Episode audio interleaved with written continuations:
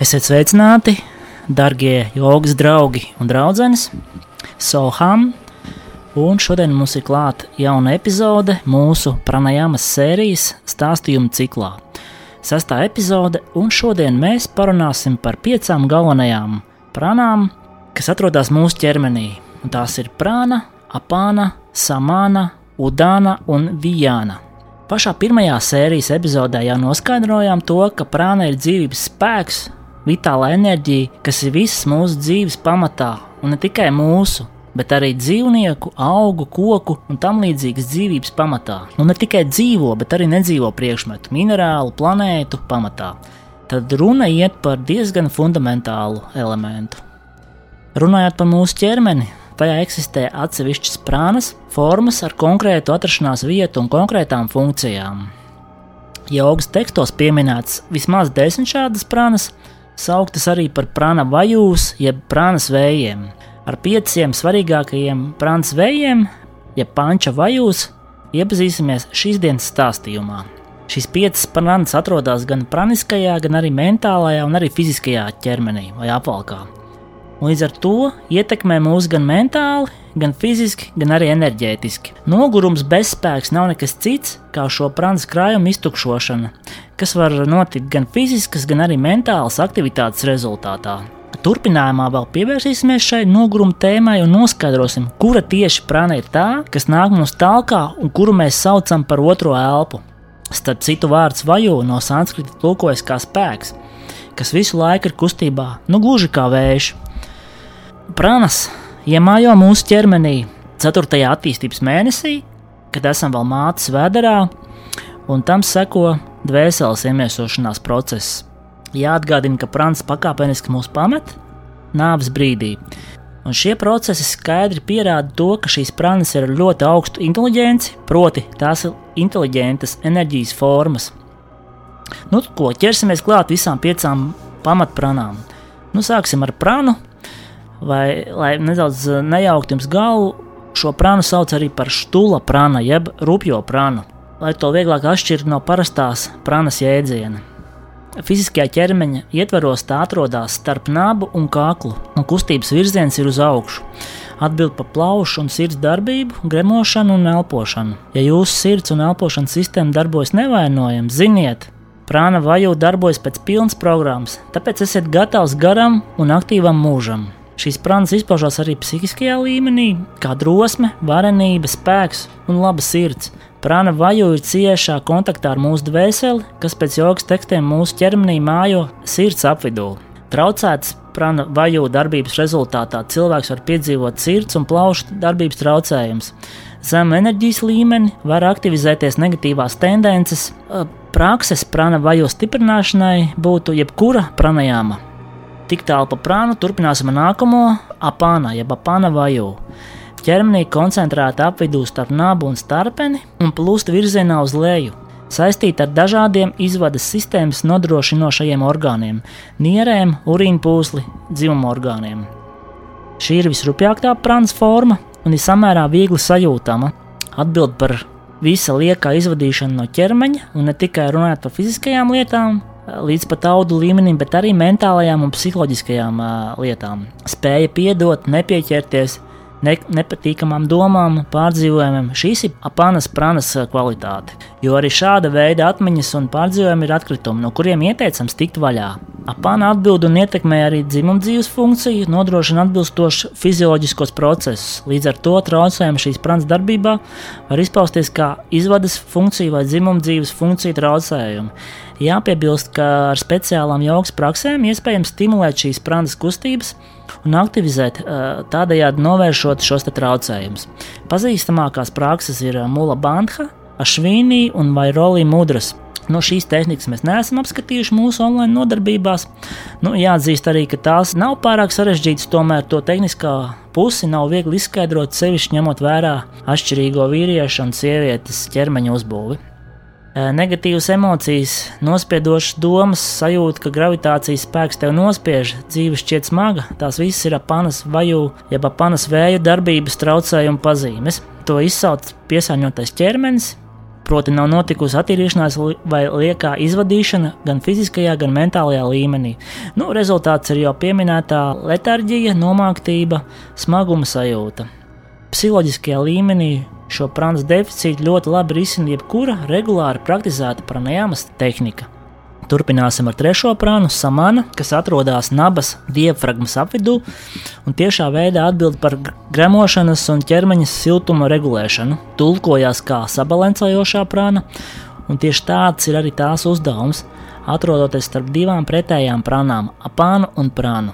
Samanas kustība ķermenī ir horizontāla, no labās uz kreiso pusi un otrādi. Prana enerģizē visus svarīgākos gremošanas orgānus - kuģi, aizkuģi, aknas, liesu un zārnas.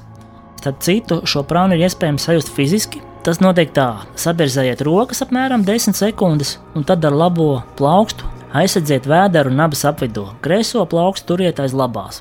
Aizveriet acis un koncentrējieties uz sajūtām nabas apvidū. Pirmkārt, jūs jutīsiet siltumu, un, ja būsiet mazliet vērīgāks, sajutīsiet vieglas elektrizējošas trīsas. Ja nesanāk, atkārtojiet un pabērziet rokas, līdz tās ir pavisam siltas. Nabas apvidus ir ļoti būtisks centrs, jo nabas līmenī mugurkaulā atrodas čakra manipūra, kas ir praniskais centrs mūsu organismā. Tāpēc arī šo vietu ir diezgan viegli arī sajust fiziski. Mentālajā līmenī šī samana prāna atbild par dažādu notikumu psiholoģisko sagramošanu un pieņemšanu, kā arī pārstrādi un atlaišanu. Ļoti daudziem cilvēkiem stresa rezultātā pasliktinās apetīte, un tas ir tieši samana vaju deficīta rezultāts. Arī tad, ja jums ir tendence uzkārties uz kādiem nepatīkamiem, bet kādreiz arī patīkamiem notikumiem, jā, starp citu, nezinu, vai esat pamanījuši, bet arī pārlieku patīkamu notikumu mūsos rada tādu vieglu uzkārienu. Nu, un, ja sanāk uzkārties, tad ziniet, priekšā darbs ar samana vaju. Labākās prakses šeit ir Udiana Bandha, Agnisāra Krija un Naulija regulāri hatha jogas praktizētāji būs pazīstami ar šīm te šatkārmas praksēm. Vēl viena mums labi zināma funkcija, ko tiešā veidā ietekmē samana vajo, ir mūsu temperatūra. Kad esam nosaluši, tad šī prāna aktivizējas un nodrošina mūsos iekšējo temperatūru dzīvības uzturēšanai. Iebraucot ezotērikas lauciņā, droši vien esat dzirdējuši par Himalajos dzīvojošiem mūkiem, kas sēž sniegā un žāvē tie virsū uzklātos slapjos palagus ir tāda leģenda. Nu, par palagu žāvēšanu es nezinu, bet, lai dzīvotu un izdzīvotu Himalaju kalnos, kur temperatūra cauri gadu mēdz būt zem nulles, nu, ir jāpārvalda zināms spēks sevī.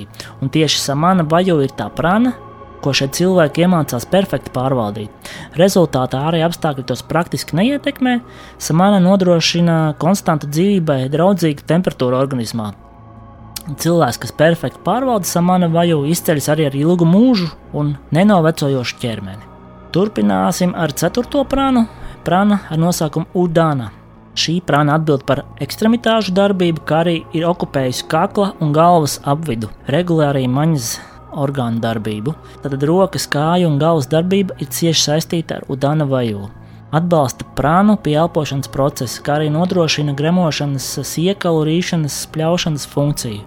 Bet pamatā tā ir maņu funkciju nodrošināšana, smaržas, garšas, redzes, taustas un dzirdes. Šīs visas funkcijas ir ūdens pārziņā, Arī gravitācijas pārvarēšanas nodrošināšana, ejot, skrienot, ir udānas darbs. Viegluma izpausme vai pat gravitācijas mazināšanās ir udānas darbības kvalitātes rādītājs. Mentālajā līmenī šī prānas forma nodrošina prāta liederīgu darbību, skaidru un pārliecinošu runāt prasmi. Udāna nodrošina mūsu smalkā un rupjā ķermeņa miedarbību. Udānas kustība ir spirālveidīga, roku, kā arī kakla un galvas apvidū. Meditācijas stāvoklī šī prana fa faktiski apstājās, jo gan roku, gan kāju, gan arī galvas kustība nenotiek. Udanas vajo darbības traucējumi var izpausties kā grūtības fokusēt prātu, skaidri domāt, normāli gulēt un sakarīgi runāt. Arī zemes darba spēks un entuziasma trūkums ir Udanas deficīta pamatā. Prakses, ko iesaka jogas skolas, udanas stiprināšanai ir dažādas, sākot ar dažādām meditācijām, džalanhara bandha un jogas asanām, kas ir saistīts ar galvas un kakla rajona aktivizēšanu. Piemēram, mums jau pazīstamā galvas un plecu apļošana, kā arī stāvēšana uz galvas vai svecīte, ko mēs labi atceramies arī no skolas laikiem.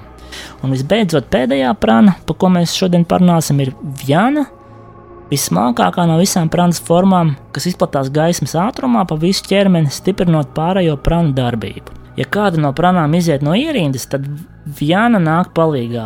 Mums labi zināmais un raidījuma sākumā pieminētais otrās elpas fenomens ir nekas cits kā Vjana vaju triks, kad šī prana nāk palīgā Udanai vaju un papildina šīs pranas patērētās rezerves. Protams, vēlāk šo pranu krājumu ir obligāti atkal jāatjauno. Vijana atbild par dažādu organisma impulsu nodošanu smadzenēm, muskuļu un nervu sistēmas darbību, arī atbild par zosādes rašanos. Psihiskajā līmenī Vijana atbild par apziņas funkciju un prāta darbību dažādos režīmos. Aktivizējoties šai prānas formai, prāts var darboties maksimālā kapacitātē, teju vai pārdabiskas uztveres režīmā. Vijana nodrošina visa mūsu organisma kopā saturēšanu šūnu līmenī, un viena no pēdējām pranām, kas pamet cilvēku, jo nodrošina organismu saglabāšanos arī pēc dzīvības izdzišanas. Vijana ir cieši saistīta arī ar mūsu garīgo izaugsmi. Katrai no šīm pranām ir sava noteikta krāsa, vai tonis, vai pat formas, ko iespējams novērot pēc intensīvas pranajāmas sesijas, aizvērto acu priekšā, čidakašā jeb apziņas ekrānā. Kas rada šo krāsu?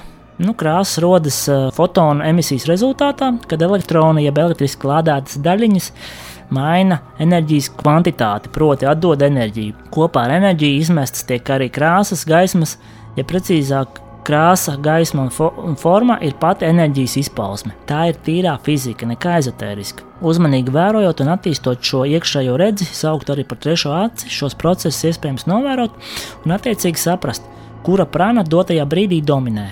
Piemēram, prana vaju ir asinsarkanā krāsā, arī rubīna koraļu krāsā.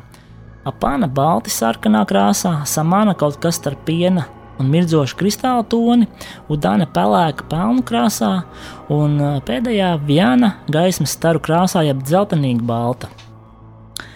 Ja visas piecas pamatprānas ir sabalansētas un tādas tās kļūst regulārs pranajāmas rezultātā, cilvēks neslimo un ir konstanti sveiks un vesels. Visas organisma sistēmas funkcionē optimālā režīmā. Vēl vairāk cilvēks var apgūt prana vidē praksi un nodarboties ar sevis un apkārtējo ārstēšanu ar pranas palīdzību. Pie prana vidija, jeb pranas ārstēšanas prakses, mēs vēl atgriezīsimies kādā no nākotnes epizodēm, bet tas šai reizē būs arī viss. Nākamajā epizodē parunāsim par pranajāmas prakšu iedalījumu un uzskaitīsim pazīstamākās pranajāmas prakses.